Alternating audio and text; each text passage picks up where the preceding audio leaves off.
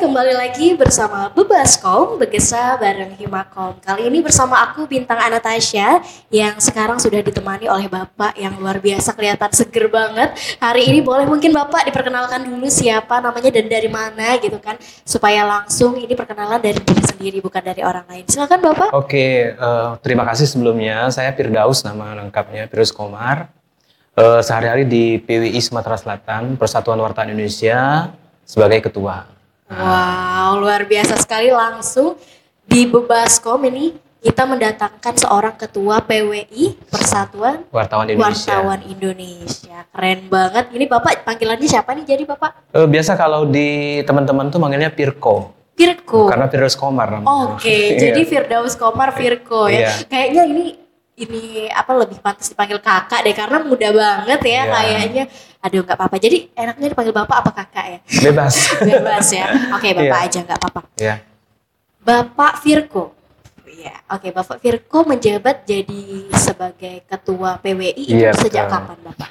Eh, sebenarnya bukan jabatan ya, Iya. Eh, bentuk amanah teman-teman dari wartawan untuk mengepalai sebagai Persatuan Indonesia. Itu mulainya 2019. Dari Ah, 2019, berarti nah, sekarang 2022 Iya, udah sekitar menuju tiga tahun. tahun ya. Menuju tiga tahun luar biasa. Boleh dong mungkin Bapak untuk yang pertama-pertama ini Bintang mau tanya nih ya ke Bapak. Bapak menjadi wartawan itu udah berapa lama? Iya. Kalau jadi wartawannya hampir 24 tahun dari 24 tahun Iya. menjadi wartawan. Ini Iya. bosan nggak sih sebenarnya udah Nggak. 24 tahun menjadi wartawan? Sebenarnya sejak selesai kuliah udah jadi wartawan. Selesai kuliah langsung menjadi wartawan. Hmm, awalnya di Sriwijaya Pos dulu. Awal Pertama -awal sekali di Sriwijaya Pos. 94 ya. Tahun 94 itu sudah menjadi wartawan, itu aku di mana ya? Belum lahir kali ya? Belum lahir boleh. Iya. Ah, jadi 24 tahun menjadi wartawan itu pernah ada rasa jenuh nggak sih Bapak?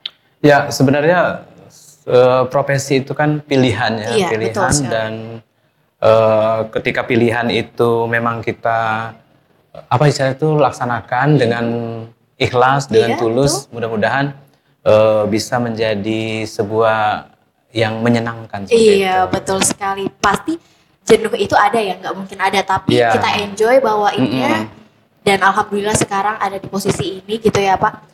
Boleh dong Bapak cerita dikit selama menjadi wartawan selama 24 tahun hingga sekarang Iya. seperti ini boleh kita pengalaman Dan awal-awal memang di harian Sriwijaya Pos Uh-uh. itu hampir 11 tahun, kemudian di harian Berita Pagi 14 tahun. Oke. Dan sekarang saya bikin eh, media sendiri namanya Extra News. Apa? Extra News. Extra News, ya. media sendiri ya Bapak Iya, ya? dari 2019 itu Mhm. sampai saat ini eh, kantornya di Ruku Citra Grand City. Wow, Iya. mungkin bolehlah rekrut saya gitu Pak ya. Siap. Biar mengikuti jejak Bapak Iya. gitu tamat kuliah jadi wartawan. Oke, Betul. boleh Bapak lanjut. Kalau jadi wartawan ini kan se- eh, sebenarnya siapa pun bisa ya. Siapa pun Ya, bisa. Siapa pun bisa, tapi Mhm. memang harus punya skill kan, skill Iya. yang khusus karena tugasnya adalah menyampaikan informasi kepada publik. Betul ya. sekali. Eh, informasi yang seperti apa yang disampaikan kan informasi yang sudah eh, terverifikasi, yang Mhm. sesuai dengan fakta, yang tidak hoax itu Iya, intinya. Karena fungsi tugas tanggung jawab wartawan itu diatur oleh Undang-Undang Nomor 40 Tahun 99 tentang pers. Oke, jadi nggak bisa eh, apa ya namanya? Ya. Sembrono lah ya, nggak bisa. Iya. Aduh, awur-awuran nggak bisa Iya. harus jelas ya, karena Betul, udah diatur sendiri betul. oleh undang-undang. Ini kata Bapak tadi, setiap orang itu bisa jadi wartawan, Betul. tetapi harus punya skill. Nah, Mm-mm. boleh dong Bapak skill apa sih yang harus jadi, yang harus ada gitu ya bagi seorang yang ingin jadi wartawan? Iya, karena tugas wartawan itu adalah yang utama memberikan satu Informasi. eh, informasi, terutama misalnya kaitan dengan kontrol ya, kontrol Yes. sosial. Tentu yang pertama wartawan itu harus punya kepekaan, kepedulian, care terhadap eh, lingkungan. Yes. Mereka tahu bahwa ada sesuatu yang memang perlu dibenahi, ada sesuatu yang memang perlu diperbaiki. Eh, karena itu wartawan itu seperti kata anak-anak saya ini agak-agak kepo kan, Iya, pengen tahu dengan Iya, apa yang dikerjakan orang lain. Karena pada saat itu sebenarnya mereka melakukan satu tugas jurnalistik gitu. Jadi skill yang harus eh, ada itu antara lain adalah peka ya, Pak. Kepeka ya. Peka. Aduh, emang peka itu utama loh ya. Betul. Iya, jadi buat kalian ya yang suka kepo-kepo atau gimana itu Uh. jangan apa namanya jangan sampai risih juga ya buat yang Betul. lain yang Uh. ketemu sama orang-orang kepo karena siapa tahu itu udah jadi jiwanya untuk Betul. menjadi wartawan. Benar. Oke, Bapak. Eh ini tadi kan katanya 24 tahun ya. Mm-mm. 24 tahun menjadi wartawan berarti dari tahun berapa tadi Bapak 94? 94 ya. 94 oke itu apa aja sih yang udah dilewatin gitu kan selama menjadi wartawan pasti ada suka dukanya Iya betul. boleh kita kan kasih tahu Eh, teman-teman semua Saya pikir kaitan dengan tugas kita sebagai wartawan memang cenderung kadang-kadang rutinitas ya. iya Rutinitas ketika kita em, untuk mendapatkan data satu informasi, Mhm. kemudian menyampaikan data, mengolah data, kemudian menyampaikan data itu ke publik atau ke masyarakat. Tapi selebih dari itu sebenarnya kita juga dalam bekerja, saya pikir dari hari ke hari itu harus memiliki nilai. iya Ya nilai itu adalah kemanfaatan bagi orang lain seperti itu. Jadi apa yang kita kerjakan, apa yang kita lakukan itu bisa memberikan dampak positif pada orang lain iya gitu. betul, betul betul Jadi selama selama berapapun kita bekerja tidak akan menimbulkan rasa bosan karena kita mencapai nilai yang kita inginkan seperti itu. Ini mencapai nilai yang diinginkan. Iya. udah tercapai bapak. Apa sih kira-kira yang bapak inginkan selama menjadi wartawan itu? Apa sih keinginan bapak gitu kan? Biasa, saya pikir begini, eh, karena tugas wartawan itu sangat mulia berkaitan dengan menolong orang lain. Iya, betul, betul. menyampaikan sebuah informasi ketika orang itu membutuhkan satu informasi, kemudian memberikan edukasi. Kan kalau di PES itu ada lima fungsi, iya. Ya fungsi inform- menyampaikan informasi, edukasi, kemudian kontrol sosial, fungsi hiburan, fungsi ekonomi. Jadi fungsi-fungsi itu saya pikir eh, kalau bisa dilaksanakan oleh seorang yang bekerja sebagai wartawan memang eh, akan memberikan manfaat pada wartawan itu sendiri. Iya betul. Nah ini selama menjadi wartawan itu bapak pasti pernah nih eh, namanya ngelewatin kesalahan ya. Iya, Ini di, di sini kita bukan mencari kesalahan ya teman-teman, tapi di Iya. sini kita ingin tahu ini pengalaman bapak dalam menghadapi kesalahan itu Hmm. bagaimana. Boleh dong bapak mungkin kesalahan apa yang pernah bapak lakukan sebagai wartawan selama ini dan bagaimana cara bapak menghadapinya. Jadi saya pikir eh, bidang apa pun, jangankan di wartawan ya, bidang Iya, apa pun iya, iya. pasti, Pasti ada. seluruhnya mengalami tinggal lagi kesalahan. tingkat kesalahan, apakah Iya, bisa betul. ditolerir, apakah Iya. tidak bisa ditolerir Betul, kan? betul, betul. Ketika kesalahan itu memang bisa di apa istilah itu sangat istilahnya sangat manusiawi sekali, eh, memungkinkan untuk diperbaiki Hmm. seperti itu. Karena eh, tugas kita ini kan menyampaikan sebuah informasi. Kadang-kadang data data itu mungkin Iya tidak akurat, betul betul. mungkin tidak sesuai dengan apa yang kita dapatkan atau ada komplain dari Mhm. eh, narasumber atau publik ternyata informasi yang kita berikan itu tidak sesuai dengan fakta misalnya. Iya. Saya pikir tingkat kesalahan apa pun dalam media juga sudah diatur ketika itu eh, misalnya terjadi kesalahan dalam kaitan penulisan misalnya kaitan Iya, iya, dengan betul, betul. eh, apa penyampaian apa istilah itu urgensi substansi dari suatu informasi itu memang bisa diatur dengan kode etik jurnalistik dan undang-undang nomor 40 ada hak jawab ada hak koreksi seperti itu sebenarnya. Oke, jadi itu dia tadi ya. Sebenarnya kesalahan itu ti- seperti Bapak tadi ada Iya, yang bisa betul. ditolerir Iya. dan juga ada yang tidak bisa ditolerir. Oke. Nah, ini berkenaan dengan PWI tadi ya Iya, betul. Persatuan Wartawan Indonesia. Ini berapa sih jumlah wartawan yang tergabung di PWI di Sumatera Selatan ini? Kalau di PWI lebih kurang 1.200 1200 seluruh itu Sumsel. sesumsel Ah, iya. 1200. Hampir setiap kabupaten kan ada wartawan. Oke. Eh, memang ada yang memilih organisasi di PWI, ada yang tidak seperti itu. Oh, jadi seluruh wartawan itu tidak semuanya bergabung di, PWI, ya. Nah, itu ada kriterianya atau ada syarat-syarat dan Betul. ketentuannya untuk menjadi PWI, Bapak kalau boleh tahu? Jadi kalau PWI ini kan organisasi yang paling lama ya. Iya, betul. Mm, kita nggak ngomong tua ya, kalau Iya, tua kan iya, nggak iya. enak kan. Nggak enak Iya. ya. yang yang udah sangat lama, Iya, lahirnya tahun eh, 46 46. setelah kita Setelah merdeka. merdeka, setahun setelah iya, merdeka, 45 PWI merdeka, 46 ada itu ya? lah- lahirlah PWI. Wow. eh, Oke. 9 Februari tahun 46 di Solo, Surakarta, Jawa Tengah. Dan eh, kenapa PWI itu sampai sekarang bisa eksis, bisa terus ada? Karena eh, pengurus PWI atau orang-orang yang memang bisa menjaga marwah PWI itu dalam kaitan untuk eh, memberikan menyesuaikan apa ketika terjadi perubahan Iya, misalnya. iya. Kalau kita bicara sosial politik kan misalnya dari masa Orde Lama, Orde Baru, kemudian reformasi, eh, PWI tetap hadir, tetap menyesuaikan apa yang diperjuangkan oleh negara ini. Seperti itu. Oke, luar biasa sekali berarti Ini wartawan 76 tahun ini. 76 tahun iya ya berarti. Aduh, luar biasa sekali Bapak. Dan Bapak bergabung di PWI sudah Sejak dari wartawan tahun 96 Sejak- mungkin ya. jadi oh, mantap banget. Aduh, aku udah speechless ini mau ngomong apa karena PWI ini berarti luar biasa sekali. Iya. Berarti wartawan yang tergabung di PWI ini juga merupakan orang-orang yang luar biasa ya, Bapak. Insya Allah. Insya Allah Ya, amin, amin, gitu kan. amin. Nah, wartawan yang bergabung ini apakah melewati uji kompetensi atau Iya gimana, betul. Bapak? Eh, jadi kalau di yang pertama kaitan Mm-hmm. dengan keorganisasian, ke PWI-an bahwa untuk masuk di PWI syaratnya harus wartawan yang pertama. Iya, harus wartawan. Iya. harus wartawan yang memang bekerja di media perusahaan media yang sudah eh, diakui, diakui dalam konteks kalau sekarang Dewan Pers mengatur misalnya terverifikasi secara perusahaan persnya. Oh. Yang kedua, eh, lebih bagus lagi wartawan itu sudah memiliki kualifikasi terkait dengan kompetensi. Eh, Artinya lolos kom- uji kompetensi Iya, wartawan gitu. Eh, kalaupun memang belum uji kompetensi wartawan bisa mengikuti sebagai anggota muda bahasanya tuh. Anggota muda itu eh, belum menjadi anggota biasa. Oke. Jadi anggota muda karena syarat untuk menjadi anggota biasa seorang wartawan sudah harus uji eh, lulus uji kompetensi wartawan lulus yang kompetensi.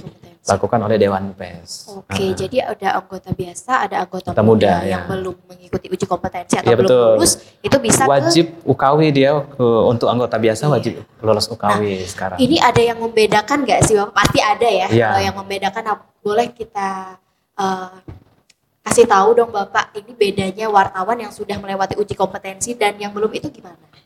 Ya kaitan dengan uji kompetensi wartawan sebenarnya Mm-hmm. latar belakang secara filosofinya pada waktu disepakati ya Mm-hmm. eh, uji kompetensi wartawan ini untuk memfilterisasi wartawan yang memang benar-benar wartawan seperti Iya, itu iya, karena eh, kita tahu bahwa memang banyak orang yang berminat jadi wartawan Iya, betul. tapi tingkat kualifikasinya yang memang belum terpenuhi seperti Iya. itu dan apa yang disepakati sejak tahun 2010 itu Dewan Pers mensyaratkan untuk ada uji kompetensi wartawan. Hmm. Sebenarnya yang diuji, item-item yang diuji itu berkaitan dengan materi yang pekerjaan kita sehari-hari. Iya, iya. Misalnya kaitan dengan perencanaan liputan, eh, menulis berita, Oke. editing berita, sampai pada wawancara, kemudian eh, proses budgeting berita, dan seperti seperti itu. Ya, ya. Jadi yang diuji itu sebenarnya kalau dia memang benar-benar wartawan pasti akan lolos karena Oke. yang dikerjakan itu adalah pekerjaan sehari-hari Hmm, betul, betul, seorang betul. wartawan. Betul. Tapi ketika memang sorry misalnya ada yang pengen mengaku sebagai wartawan, dia pasti tidak akan lolos. Aduh, oke. Jadi kayaknya habis ini aku mau ikutlah uji kompetensi biar Iya. biar nggak abal-abal gitu ya Bapak. Betul. Karena sejujurnya Bintang juga berminat ini menjadi wartawan. Iya. Jadi harus melewati uji kompetensi biar bisa dibilang wartawan beneran nih. Ah, Iya, mantap ya. Nah, Bapak eh, selama 24 tahun kata Bapak tadi setelah tamat kuliah kan langsung menjadi Iya, wartawan. Sehingga ini udah sampai 2022 berarti banyak banget pengalaman yang Bapak lewati. Iya, lebih kayaknya 24 ya. Le- lebih ya, Iya. lebih ya. Aduh, 24 tuh ketika pertanyaan dua tahun lalu berarti sekarang 26 Oh, iya, gitu ya. kali. Aduh, umur aku aja nggak nyampe 20 tahun, berarti tuaan eh bukan Iya, tuaan. ketuaan, kelamaan ya. Kelamaan. Kelamaan jadi wartawan. Iya, banyak pengalaman Bapak daripada umur saya gitu kan. Mudah-mudahan. Iya. Mudah-mudahan ya umur saya sepanjang pengalaman Bapak lah gitu ya. Lebih lah. Amin. Nah, ini Bapak eh, setelah lama menggeluti di bidang wartawan, pasti tentunya Bapak merasakan perbedaan wartawan yang dulu Mm-mm. dengan sekarang itu pasti Iya, banyak betul. perubahan. Ini apa sih Bapak perubahan-perubahan yang telah Bapak rasakan Betul. mengenai wartawan yang dulu dengan wartawan yang sekarang? Eh, perbedaannya ya. Iya, perbedaan. Kalau persamaannya, saya pikir wartawan itu sama-sama melaksanakan tugas fungsi pers yang bekerja di media. Mhm. Tapi perbedaannya sangat banyak sekali Iya. karena tantangan tantangan sebenarnya sama berat tantangannya, tapi eh, tingkat kualitas tantangannya beda. Iya. Oke, kalau sekarang tantangan sebagai wartawan kita harus eh, berhadapan dengan media-media da- kaitan dengan media sosial misalnya, kemudian eh, platform-platform baru yang menggunakan basis digital misalnya, seperti yang dilaksanakan ini misalnya ini Iya, kan iya. sebenarnya tantangan bagi dunia jurnalistik Iya, wartawan. betul. misalnya ada podcast, ada YouTube, ada macam-macam yang aplikasi di media sosial seperti itu. Itu salah satu. Dan itu kita akui bahwa berkaitan dengan uh, revolusi industri, kemudian adanya internet, basis orang dalam melakukan suatu proses jurnalistik bisa menggunakan uh, media internet lebih cepat uh, untuk mengakses sebuah informasi atau menyampaikan sebuah informasi ke masyarakat seperti itu. Hmm. Dan itu tantangan. Kemudian tentu ini kan ber apa sih itu 11 12 tantangan ini kan berkaitan dengan publik. Ya, publik betul. juga lebih mudah untuk mengakses sebuah informasi uh, ketika misalnya media sosial begitu cepat orang bisa uh, punya aplikasi media sosial masing-masing uh, terlepas bahwa informasi itu kadang-kadang memang belum terverifikasi atau belum belum apa sih itu belum sesuai dengan fakta apa masih hmm, diragukan iya, iya, iya. mungkin bisa benar bisa tidak benar informasi iya. itu tapi yang bertanggung jawab berkaitan informasi itu kita belum tahu. Tapi akses itu orang lebih mudah. Uh, publik akan lebih mudah misalnya mendapatkan sebuah informasi dari suatu peristiwa di masyarakat. Ketimbang mereka akan mendapat informasi oleh wartawan. Iya, betul, tapi betul, betul. dalam kaitan ini apa uh, ketika itu tantangan juga menjadi sebuah uh, apa itu peluang ya, ya, menjadi sebuah peluang untuk bisa dikolaborasikan bahwa tantangan itu bisa menjadi kekuatan baru sebenarnya hmm. untuk PES untuk iya, betul itu. Sekali. Itu salah satu tantangannya. Iya, tantangan dan juga ini sebenarnya tantangan itu bisa memicu kita untuk lebih kreatif lagi ya, betul. ya, Pak, lebih kreatif ah. lagi mengikuti zaman yang Benar sekali. ada. Aduh, ini tadi sudah kita uh, apa namanya kita obrolin ya tentang PWI tentang wartawan yeah. pengalaman bapak dan segala macam. Terus tadi bapak juga bilang kalau bapak ini punya media sendiri ya. Betul. Apa bapak? Tadi namanya bapak? Extra News. Extra. Bisa dilihat di online-nya juga Extra News ID Extra News ID iya. dilihat. Nah itu bapak mendirikan Extra News ini udah berapa lama? Kalau secara legal perusahaannya dari 2016 2016 tapi uh, di eksekusinya 2019 di eksekusinya 2019 yeah. tapi alhamdulillah ya gitu. Yeah. Nah di dalam itu di media bapak nih apa aja sih yang udah bapak gebrakan dari media bapak gitu? Sebenarnya belum ada gebrakan-gebrakan iya, apa pun ada. masih sangat uh, sederhana. Masih sangat uh, sederhana. Belum begitu memberikan dampak lah. Oke. Okay. Iya masih masih belajar. Masih belajar. Oke. Okay. Mungkin kita juga boleh Bapak diajak belajar gitu kan Bintang dan juga anggota Himakom boleh, boleh. ataupun yang lainnya juga yang boleh mau... bisa datang ke kantor saya di ke kantor, di 46 nomor 8 oh, iya, Ruko ya. Copacabana di Citra Grand City. Mm -hmm, di Citra Grand City biar kita bisa sharing juga mungkin boleh. Bapak karena Bintang yakin banget generasi muda saat ini juga banyak yang berminat hmm, menjadi wartawan. Boleh, boleh. Jadi boleh nanti langsung sharing Atau langsung ke bikin konten aja di Ih, tempat saya itu, oh, bikin ruangan yang khusus. Oh mantap, mungkin boleh nanti kita yang diundang Bapak giliran gitu kan, mantap banget. Langsung dikelola aja oleh ini organisasinya. Oh siap, mantap. Ketum, mantap ketum. Oke, mungkin itu dia tadi yeah. ya sama Bapak. Nah yang terakhir nih Bapak, Bintang mau dong minta tipsnya dari Bapak buat teman-teman semua yang mungkin mau jadi wartawan kira-kira yeah. apa aja yang harus disiapkan tipsnya tips dan trik menjadi wartawan yang baik di zaman sekarang itu bagaimana Bapak silahkan saya pikir uh, tadi wartawan itu bukan profesi yang diinginkan orang tadinya okay. karena biasanya orang mau kerjanya di bankir yeah, atau jadi bener, uh, dokter bener, bener, ya, bener, yang kaitan dengan uh, ekonomi ya mm-hmm. karena kalau memang ketika kita memutuskan jadi wartawan memang jadilah wartawan yang benar yeah, yang benar betul. dalam kaitan bahwa uh, kita memiliki integritas, memiliki hmm. idealisme yes. untuk bekerja sebagai wartawan. Kalau soal rezeki, saya yakin Allah yang atur iya, kan. Betul, betul, betul. Sepanjang bahwa kita bekerja dengan baik, dengan ikhlas, mudah-mudahan akan selamat insya Allah iya. di profesi apa pun itu. Betul. Nah, ya. jadi buat kalian yang mungkin punya uh, keinginan menjadi wartawan itu yang saya ambil dari Bapak tadi ya, jangan menilai wartawan itu sebagai profesi yang menjanjikan tentang keuangannya yeah. ya iya. Bapak. Tapi yakinilah bahwa menjadi wartawan itu kita bisa menjadi wartawan yang baik dengan cara memberikan informasi yang baik juga Betul. kepada masyarakat. Oke, mungkin Bapak terima kasih banyak Siap. untuk ilmunya, untuk pengalamannya yang luar biasa sekali. Semoga Sama-sama. apa yang kita bicarakan ini bisa diambil banyak bermanfaat bagi teman-teman semua yang nonton. Nah, ini closingnya ini Bapak. Nanti kita ada tagline ya Yeah. Bebaskom begesah bareng Himakom. Ya, Bebaskom begesah bareng Himakom dan Himakom bangga berkomunikasi. Nah, Oke. itu boleh bintang minta Bapak yang mimpinnya. Jadi Bapak sebut Bebaskom, nanti bintang jawab, terus Bapak bilang Himakom, bintang jawab lagi. Boleh Bapak? Boleh nanti lupa lagi. Bebaskom, Babaskom, Begesa, Begesa. bareng Himakom. Oh di sana aja yang sebutnya ya. Iya, Himakom, bangga berkomunikasi. Boleh Bapak dipimpin Bebaskom, Bebaskom, Begesa bareng Begesa bareng Himakom. Himakom. Himakom, Himakom, bangga berkomunikasi. berkomunikasi. Oke, terima kasih. keren pokoknya. Oke, dan juga jangan lupa di subscribe YouTube-nya Himakom STC dan juga Spotify kita, Bebaskom. Terima kasih.